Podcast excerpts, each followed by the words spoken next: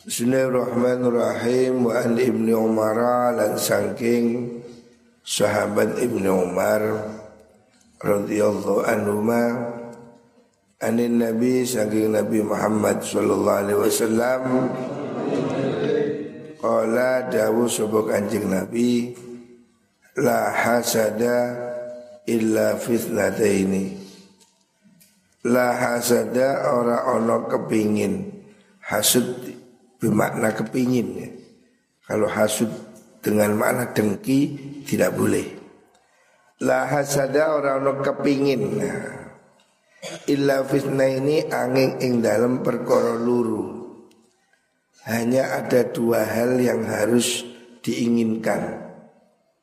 Rupane rojulun wong lanang atahu kang paring hu ing rojul sapa Allah Allah Al-Qur'ana ing Qur'an. Ada dua orang yang dijadikan idola. Coro niki idola. Hanya ada dua tipe orang yang layak diinginkan menjadi panutan. Yang pertama orang yang oleh Allah diberi anugerah menjadi penghafal Quran. Hafal Quran ini sesuatu yang berharga. Jangan kepingin yang lain. Kalau kamu sudah diberi Al-Quran, itu nikmat yang luar biasa. Jadi semuanya ini hendaknya berusaha kalau mampu jadilah para penghafal Quran. Orang-orang yang hafal Quran itu diberikan derajat di dunia atau di akhirat. Makanya kita ini mendorong di SMK Anur, di Sanawiyah Anur, di lembaga kita ini program tahfidz kita dorong supaya lahir generasi penghafal Quran. Siapa orang hafal Al-Quran Kemudian fahuwa mongkau tai wong iku yakumu jumenengi Bihi kelawan Quran ana al-laili ing dalam tengai wengi Wa ana an nahari ing dalam mongso raino Orang yang hafal Quran rajin baca siang malam Maksudnya ini adalah nikmat ketika orang oleh Allah diberi anugerah bisa hafal Al-Quran bersungguh-sungguh dia deres selalu baca Quran siang malam. Ini harus menjadi panutan. Kamu harus punya keinginan satu dari dua ini. Dua tipe orang yang diinginkan Rasulullah Shallallahu Alaihi Wasallam. Yang pertama jadilah penghafal Quran. Orang hafal Quran ini Jangankan dirinya Orang tuanya besok dimuliakan oleh Allah. Kelak pada hari kiamat orang-orang yang punya anak hafal Quran itu akan diberi kehormatan oleh Allah seperti raja diberi mahkota. Ketika itu mereka akan merasa heran apa perbuatan saya. Mau saya ini biasa-biasa kok jadi raja. Dijawab karena kamu telah menyuruh anakmu hafal Al-Quran. Jadi kamu harus memotivasi dirimu jadi penghafal Quran. Salah satunya apa? Supaya kamu bisa memuliakan orang tuamu kelak di akhirat. Siapa orang anak hafal Quran Maka besok orang tuanya dimuliakan oleh Allah.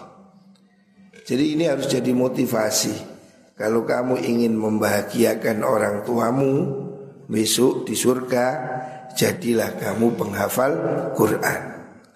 Sebetulnya tidak berat, nyatanya banyak orang yang sambil kuliah, sambil sekolah hafal Al-Quran.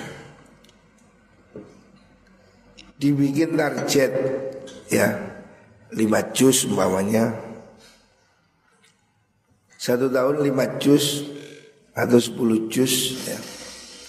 Kalau istiqomah Kalau kamu rutin Pasti bisa. Kita di sini punya program tahfid Kamar tahfid Pembina tahfid Semua sudah ada. Jadi kamu jangan buang waktu.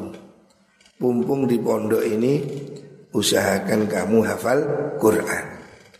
Yang kedua warajulun lan wong lanang ada hukang paring hu ing rajul sapa Allah Gusti Allah di malan ing bondo.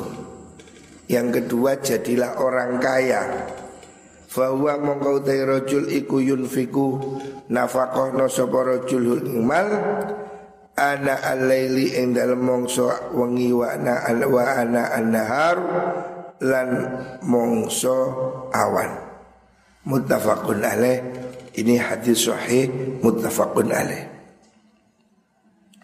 Wal ana'u utai maknane anak iku as-saatu piro-piro mongso. Jadi ini sama dengan hadis yang kemarin. Cuma di sini bedanya spesifik tentang ahli baca Quran. Jadilah kamu orang alim Hadis yang kemarin Jadi orang alim mengamalkan ilmu Ngajar. Itu ideal. Yang kedua Kalau enggak Jadilah orang kaya. Orang kaya yang menghabiskan hartanya Untuk dibuat berjuang Dakwah Fisabilillah Ini dua hadis ini mirip sama-sama hadis sahih cuma yang atas itu menjadi guru yang bawah menjadi penghafal Quran. Artinya pilihannya ya dua. Kamu kalau bisa jadi penghafal Quran yang sungguh-sungguh atau kamu menjadi guru ngaji pinter ngajar diamalkan. Itu sama bagusnya. Jadi profesi guru ahli Quran itu mulia. Yang kedua, jadilah orang kaya. Kamu harus punya keinginan bagaimana mengubah hidupmu agar hidup berkecukupan. Ya tentu saja semua ini tidak lepas dari takdirnya Gusti Allah. Tapi kamu bisa berusaha ya. Berusaha lahir batin. Cara lahir yuk nyambut gawe. Pergi ke pasar. Pergi ke sawah. Tani, dagang dan lain-lain. Tetapi secara batin Jangan lupa rezeki itu datangnya dari Gusti Allah. Apa yang harus kamu lakukan? Ya berbanyak memohon ya Berbanyak baca sholawat nariyah Sholawat nariyah ini sudah termasyur di mana-mana disebut sholawat nariyah. Nar itu artinya api. Maksudnya sholawat ini begitu cepat, ya, mujarab, cesprong, seperti api yang membakar. Makanya faktor ini penting wiritan sholawat naria, suratul waqiah atau dalail, istighfar, sholawat itu ikhtiar batinnya. Ikhtiar lahirnya yuk kerjo, tani, dagang, apa yang bisa kamu lakukan. Kalau rezekinya ada, nanti jalannya keluar. Jadi kamu harus lebih mementingkan minta rezekinya dulu. Kalau Allah itu memberi rezeki, jalannya nanti kelihatan. Tapi kalau rezekinya nggak ada, ya ibarat orang itu menggali, menggali tanah, menggali sumur. Kalau sumbernya tidak ada, walaupun dipacul, dibor, tidak ada air. Ya. Sebab airnya tidak ada kerja keras, tidak ada sumbernya, nggak ada air. Tetapi kalau sumbernya itu ada, bisa jadi cetek, ada sumber itu yang dangkal, ada sumber itu yang ya agak jauh. Sumbernya ada, digali kena. Tapi kalau kamu cuma menggali tidak ada sumbernya ya percuma. Lah sumber rezeki itu adalah Gusti Allah. Makanya ini harus diimbangkan. Ikhtiar lahir dan ikhtiar batin. Wa Nabi Hurairah lan den riwayataken saking Abu Hurairah radhiyallahu an anna fuqara al muhajirina setune pira-pira wong fakir wong melarate kaum muhajirin orang-orang muhajirin yang datang ke Mekah itu atau podo teko sopo atau podo teko sopo muhajirin teko Rasulullah ing Rasulullah sallallahu alaihi wasallam orang-orang sahabat Nabi yang miskin, fukara. ada yang kaya, ada yang miskin. Ya sejak dulu pasti begitu ya. Zaman ini akan selalu silih berganti. Manusia ini sejak dulu dan sampai kapan pun tidak sama manusia ini oleh Allah diciptakan berbeda-beda. Baik itu keterampilannya, kecerdasannya, profesinya ya. Manusia ini memang diciptakan berbagai macam. Dan Allah memang membuat seperti itu supaya kita saling menolong, saling membutuhkan satu sama lain. Yang kaya perlu yang miskin Yang pejabat perlu rakyat Supaya hidup ini berjalan Ada pertukaran jasa Kita tidak bisa jahit baju Perlu tukang baju Kita tidak bisa bikin gelas Perlu tukang gelas Terjadilah pertukaran pekerjaan Gak bisa bikin HP ada tukang HP. Jadi Allah memang membuat manusia seperti ini. Warfa'na ba'dhum fawqa ba'din darajat. Ada kelebihan satu sama lain.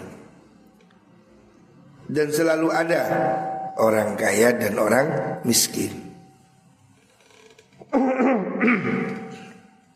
Kemudian mereka orang-orang miskin datang pada Rasulullah Sallallahu Alaihi Wasallam. Fakalu mongko ngucap sinten niku wau fuqara niku wau. Kemudian orang-orang ini berkata Usul mengatakan atau mengeluh ya. Mereka ini lapor pada kanjeng Nabi Zahaba budalan sopo ahlu dusur Piro-piro ahli kesugihan Orang-orang miskin protes Nabi enak orang kaya itu pergi Bidarojati kelawan piro-piro derajat. Derajat al-ula kang luhur. Orang-orang miskin protes Nabi Orang kaya itu enak. Dia punya tingkatan yang istimewa. Dia punya kelebihan. Wanaimi lan nikmat al-muqimi kang langgeng. Mereka orang kaya ini fasilitasnya lebih baik Di dunia mereka lebih nyaman Di akhirat mereka juga dapat pahala Karena mereka bersodakoh lah kita yang miskin bagaimana gitu. Orang-orang miskin ini iri. Iri bukan soal hartanya. Mereka iri terhadap kebaikannya orang-orang kaya yang ahli ibadah, ahli sodako itu kan enak Di dunianya ya ahli ibadah, hidupnya makmur Di akhiratnya masuk surga. Sebab dia amalnya banyak. Lah orang-orang miskin bagaimana? Gitu lah. Jadi orang-orang miskin datang pada Nabi Ini mengadu. Nah, Curhat. Kok enak orang kaya itu? Di dunia makmur di akhirat masuk surga. Yang baik maksudnya. Lah orang miskin gimana orang miskin? Di dunia ini melas, di akhirat belum jelas. Bagaimana kita-kita orang miskin? Artinya orang miskin ini curhat. Gimana Nabi kita ini miskin, kita ini dibanding orang kaya kan kita ini kalah. Faqala daun Nabi wa ma dzaka wa ma ku apa dzaka utai mengkono-mengkono zaba ahlu dusur. Maksudnya apa? Faqalu ngucap sapa sahabat kama nusolli kaya oleh salat sapa kita. Yusalluna salat sapa ahlu dusur kama nusolli kaya oleh salat kita. Waya sumunalan poso sopo ahlu dusur Kama nasumu Kaya oleh poso sopo kita. Orang miskin protes kanjeng Nabi. Enak orang kaya itu. Orang kaya ini seperti kita Sholat juga dia sholat. Puasa kita dia juga puasa. Tetapi mereka kan lebih enak sama-sama puasa dia makannya lebih enak. Sama-sama sholat, sama-sama puasa Mereka bisa sodakoh, bisa naik haji, bisa infak, bisa zakat ya. Orang-orang miskin ini khawatir kalah ganjaran. Jadi yang diiri bukan kemewahannya Tapi pahalanya. Orang-orang miskin merasa sedih tidak bisa sodakoh tidak bisa zakat, tidak bisa infak naik haji. Wa yatasaddaquna lan padha sedekah sapa mengkono ahlu dusur. Ahlu dusur itu konglomerat orang kaya. Wala natasaddaqu lan ora sedekah sapa kita. Orang-orang kaya itu bisa sodakoh kita yang miskin nggak bisa. Mereka bisa memerdekakan budak. Wayakti kudalan merdeka no budak sopo mengkuno ahlu dusur Buala nakti kulan ora bisa merdekakan budak sopo kita Maksudnya orang-orang miskin ini iri kebaikannya Tidak iri kekayaannya Katanya orang-orang miskin Nabi orang kaya itu enak. Dia sholat saya sholat. Dia puasa kita puasa. Sama-sama. Tapi orang kaya bisa sodakoh. Orang kaya bisa memerdekakan budak. Kita orang miskin tidak bisa. Berarti kita kalah sama orang kaya Rasulullah tersenyum menghibur. Faqala mongko dawuh sapa Rasulullah sallallahu alaihi wasallam. Afala uallimukum?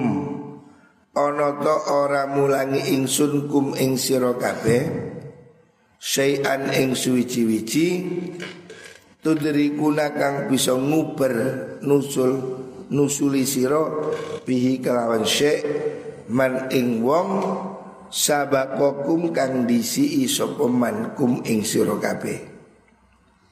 Nabi menawarkan solusi. Nabi ini orang yang sangat paham, peka. Ya kamu orang miskin, kamu saya beri amalan supaya pahalamu tidak kalah dengan orang kaya. Watasbiquna lan podon disi sira kabeh bihi kelan mengkuno syekh man ing wong ba'dakum kang ing dalam sausi sira kabeh. Bahkan kamu akan melampaui mereka yang lebih dulu. Walayakunulan ora ono sapa ahadun wong suci Iku afdala Iku afdalu luwih utama mingkum saking sira kabeh Ilaman angin wong Sona kang agawi sapa Agawi mislama ing padane perkara Sonaktum kang agawi sira kabeh. Nabi memberi solusi Kamu orang-orang miskin Walaupun kamu tidak bisa sodakoh Walaupun kamu tidak bisa memerdekakan budak Tapi kamu saya beri amalan Yang nanti pahalanya lebih banyak dibanding sodakoh Dan orang-orang miskin ini komplain Nabi kita puasa Orang miskin puasa, orang kaya juga puasa. Orang miskin sholat, orang kaya juga sholat. Dalam ibadah ini sama. Tapi orang kaya sodakoh. Orang miskin tidak mampu sodakoh. Orang kaya zakat, orang miskin tidak zakat. Orang-orang miskin takut pahalanya kalah. Sebab dia tidak bisa melakukan apa yang dilakukan oleh orang kaya. Tapi Nabi mengatakan jangan sedih orang-orang miskin. Walaupun kamu tidak bisa sodakoh Walaupun kamu tidak zakat Tapi kamu bisa dapat pahala mengalahkan mereka Artinya Nabi memberi motivasi. Orang-orang miskin jangan kecil hati. Kamu kalau ditakdirkan miskin harus tetap bahagia. Harus tetap terhormat. Walaupun kamu tidak bisa sodakoh Tapi kamu bisa mengamalkan zikir wirid Yang pahalanya lebih besar dari sodakoh Kalau ngucap sopo sahabat balanggi Ya Rasulullah Nggih, nopo niku Kanjeng Nabi? Apa amalan untuk orang miskin sebagai ganti zakat sedekah? Qala dawu sapa Kanjeng Nabi, tusabbihuna maca tasbih sira kabeh. Kalau kamu wahai orang miskin kepingin sodako, kepingin infak, tidak punya uang, gantinya perbanyaklah kamu membaca tasbih. Wa tahmaduna lan podo muji sira kabeh. Kamu perbanyaklah membaca kalimat hamdalah alhamdulillah.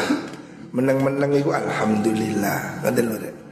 Dulu Mbak Yaya Anwar itu terkenal Kiai Alhamdulillah Mbak Yaya Anwar itu meneng-meneng Alhamdulillah. Ada orang anu yang ingin Alhamdulillah. Pokoknya meneng-meneng Mbak Yanwari Alhamdulillah. Oh nggih Alhamdulillah. Seperti itu. Jadi itu sama dengan sodako ya.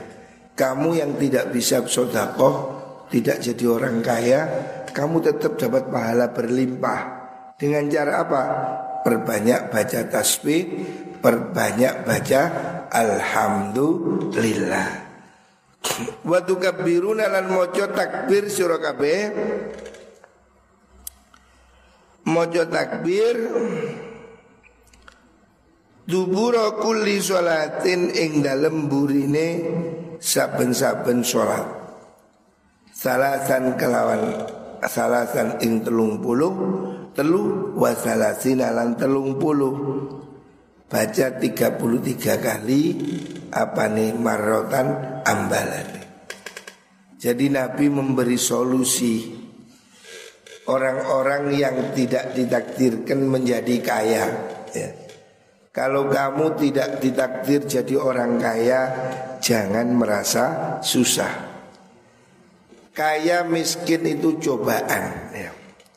Walaupun mungkin lebih enak jadi orang kaya tetapi itu kan takdir Kamu tidak bisa milih. Kamu bisa berusaha Tapi takdirnya ada di tangan Gusti Allah. Lah bagaimana Kalau kamu kepingin dapat pahala? Seperti orang-orang kaya ya.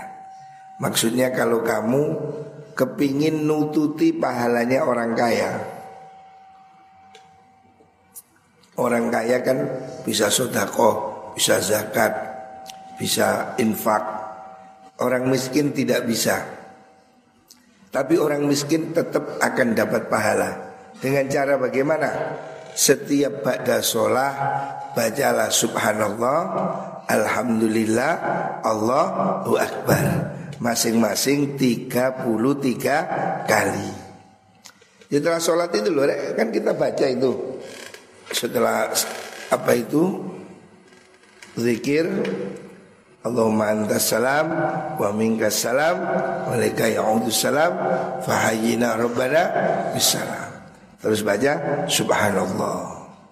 Terus alhamdulillah Allahu akbar. Itu perhatikan zikir pada sholat yang rutin kita baca itu pahalanya besar. Pahalanya itu bisa menghapus dosa-dosa dan menambah kebaikan-kebaikan kita. Makanya mari sholat niku ojo dulinan. Habis sholat itu hendaknya semuanya sibuk wiritan Jangan pergi sebelum imam berdoa Doa bersama imam setelah sholat itu mustajab Itu doa yang dikabulkan oleh Allah Makanya hendaknya setelah jamaah ini jangan pergi ya.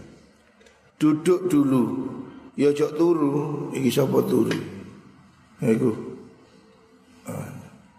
Nah, saya kok turu. Kita kan buka ngono lho, nang turu. Buka nang kita ngono. Iku sapa turu iku.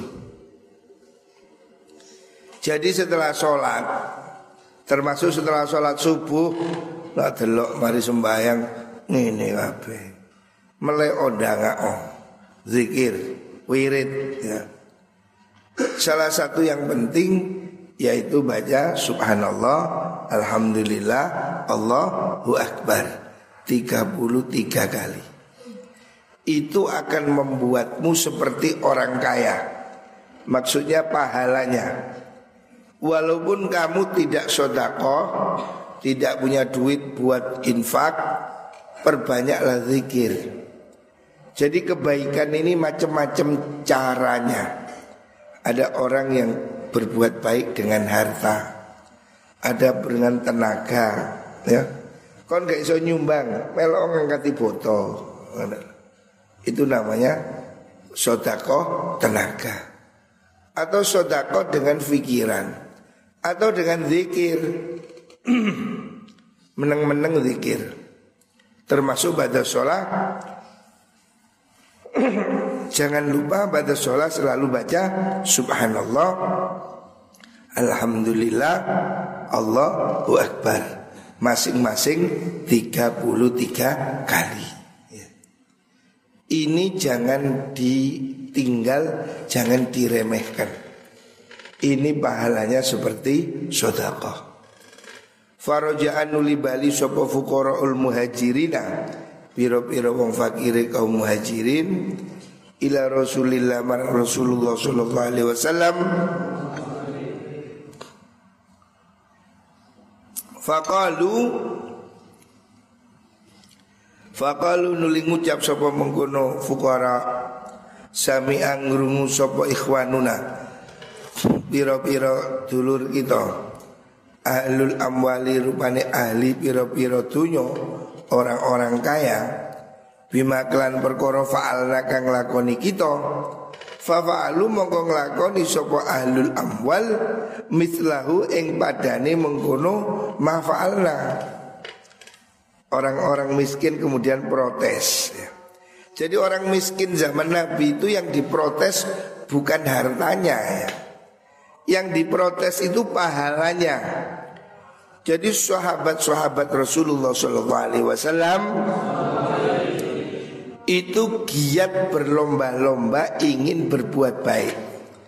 Mereka itu ingin memperbanyak lebih banyak pahala dibanding yang lain. Makanya mereka itu rajin sodako, rajin infak ya, rajin berbuat baik.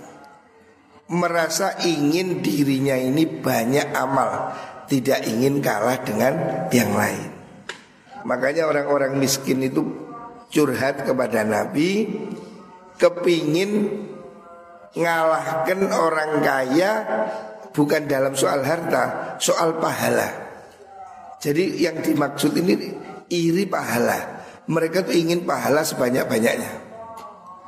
Makanya oleh Rasulullah diberi resep ya sudah kamu yang miskin tidak bisa sodako, tidak bisa infak, tidak bisa bangun masjid, kamu memperbanyak zikir, subhanallah, alhamdulillah, Allahu akbar, pahalanya sama. Artinya kamu tidak sodako uang tapi kamu berzikir. Sudah mereka pulang mengamalkan. Ternyata informasi ini bocor. Orang kaya juga dengar Akhirnya orang kaya melok wiritan pisan. Padahal ini wirid asalnya oleh Nabi diberikan untuk orang miskin supaya dia dapat pahala ngalahkan orang kaya. Ternyata orang kaya dengar kalau amal baca subhanallah alhamdulillah Allah akbar itu pahalanya besar. Maka mereka juga ikut wiritan. Sehingga orang miskin protes Nabi, protes lagi Nabi, saya kalah lagi. Kenapa? Lah kita baca zikir, orang kaya zikir juga. Oh inilah kalah kita ini. Yang diiri pahalanya ya, bukan hartanya. Faqala mongko dawuh Rasulullah sallallahu alaihi wasallam Dzalika fadlullah yu'tihi may yasha. Dzalika utai mengkono niku wau. Dzalika utai mengkono fa'alu mislahu niku. Iku fadlullahi anugrahi Gusti Allah. Yuktihi kang paring sop Allah Hi ing fadlu Man ing wong Yasha'u kang ngersaaken sopo Gusti Allah. Hadis ini sahih muttafaqun alaih. Wahada lafzu riwayati muslim. Ad-dusur Dari maknani dusur Iku al-amwal biro-biro bondo al kathiro tukang akeh. Wallah jadi kesimpulannya Rasulullah Shallallahu Alaihi Wasallam cok turu eta. Kanjeng Nabi menganjurkan semua orang berbuat baik. Dan berbuat baik itu tidak terbatas. Bisa dengan harta bisa dengan tenaga bisa dengan lisan ya, dengan ucapan. Artinya kamu bisa berbuat baik tidak harus menunggu kamu kaya. Kamu hari ini nggak bisa nyumbang duit, ya nyumbang tenaga. Contoh itu bangunan. Kamu tidak bisa nyumbang semen, nyumbang roan. Kamu bisa berbuat baik dengan caramu sendiri. Orang-orang miskin datang pada Rasulullah Sallallahu Alaihi Wasallam. Kemudian dia kepingin pahalanya bisa ngalahkan orang kaya. Akhirnya oleh Nabi diberi wirid Subhanallah, Alhamdulillah, Allahu Akbar Nabi mengatakan ini pahalanya sama dengan orang kaya Ternyata orang kayanya dengar Maka dia juga wiritan juga Orang miskin merasa kalah lagi. Nabi gimana? Mereka wiritan, kita wiritan. Tapi mereka sodako, kita tidak bisa sodako Terus Nabi menasihati, yo sing sabar. Memang manusia itu tidak sama.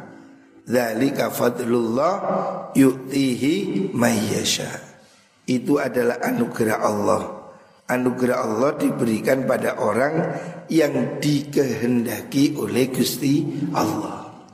Artinya kita yuk gak usah iri. Jangan iri pada orang lain. Kita ini sudah punya bagian ya. Rizki itu sudah ada takarannya. Rizki sudah ditakar. Tidak mungkin tertukar. Rizki itu sudah ditakar oleh Allah Kata ayah saya kalau rezekimu sekian umpamanya. Kalau Gusti Allah sudah memberi kamu rezeki itu takerannya sak jingkir. Disiram sak trim ya tetap karek sak jingkir. Selebihnya ambil. Walaupun us nyambut gawe, lek rezeki ini mesak mini, ya oleh sak mini. Lek rezeki ini mesak botol, ya sak mini masih disirami 10 galon, ya karek sak mini. Entek. Jadi ini rahasianya. Makanya di samping usaha jangan lupa berdoa pada Gusti Allah. Supaya botolnya digedek nama Gusti Allah. Lalu lek Gusti Allah dikei ini disiram sekian ya guling. Makanya ini tonase tuka apa ini? Ukurannya ini semua dari Gusti Allah. Ya kita berdoa minta pada Allah. Ojo kuatir. Sing yakin nek dawe almarhum sing nyuwek cangkem ngekei mangan. Sopo sing nyuwek cangkem? Yang memberi mulut siapa? Allah. Jangan khawatir. Rezekinya pasti ada. Jangan takut ya. Jangan takut. Kamu walaupun bukan anaknya bupati, bukan anaknya direktur BRI, tapi kamu juga punya kesempatan. Kalau Allah menakdirkan tidak sulit, ya, rezeki itu datang dari Gusti Allah. Makanya sing sergap jaluk bersungguh-sungguhlah kita mohon pada Allah. Muka-muka kabeh dibaringi rezeki yang berkah diberi umur yang berkah, diberi kehidupan yang berkah. Amin Allahumma amin.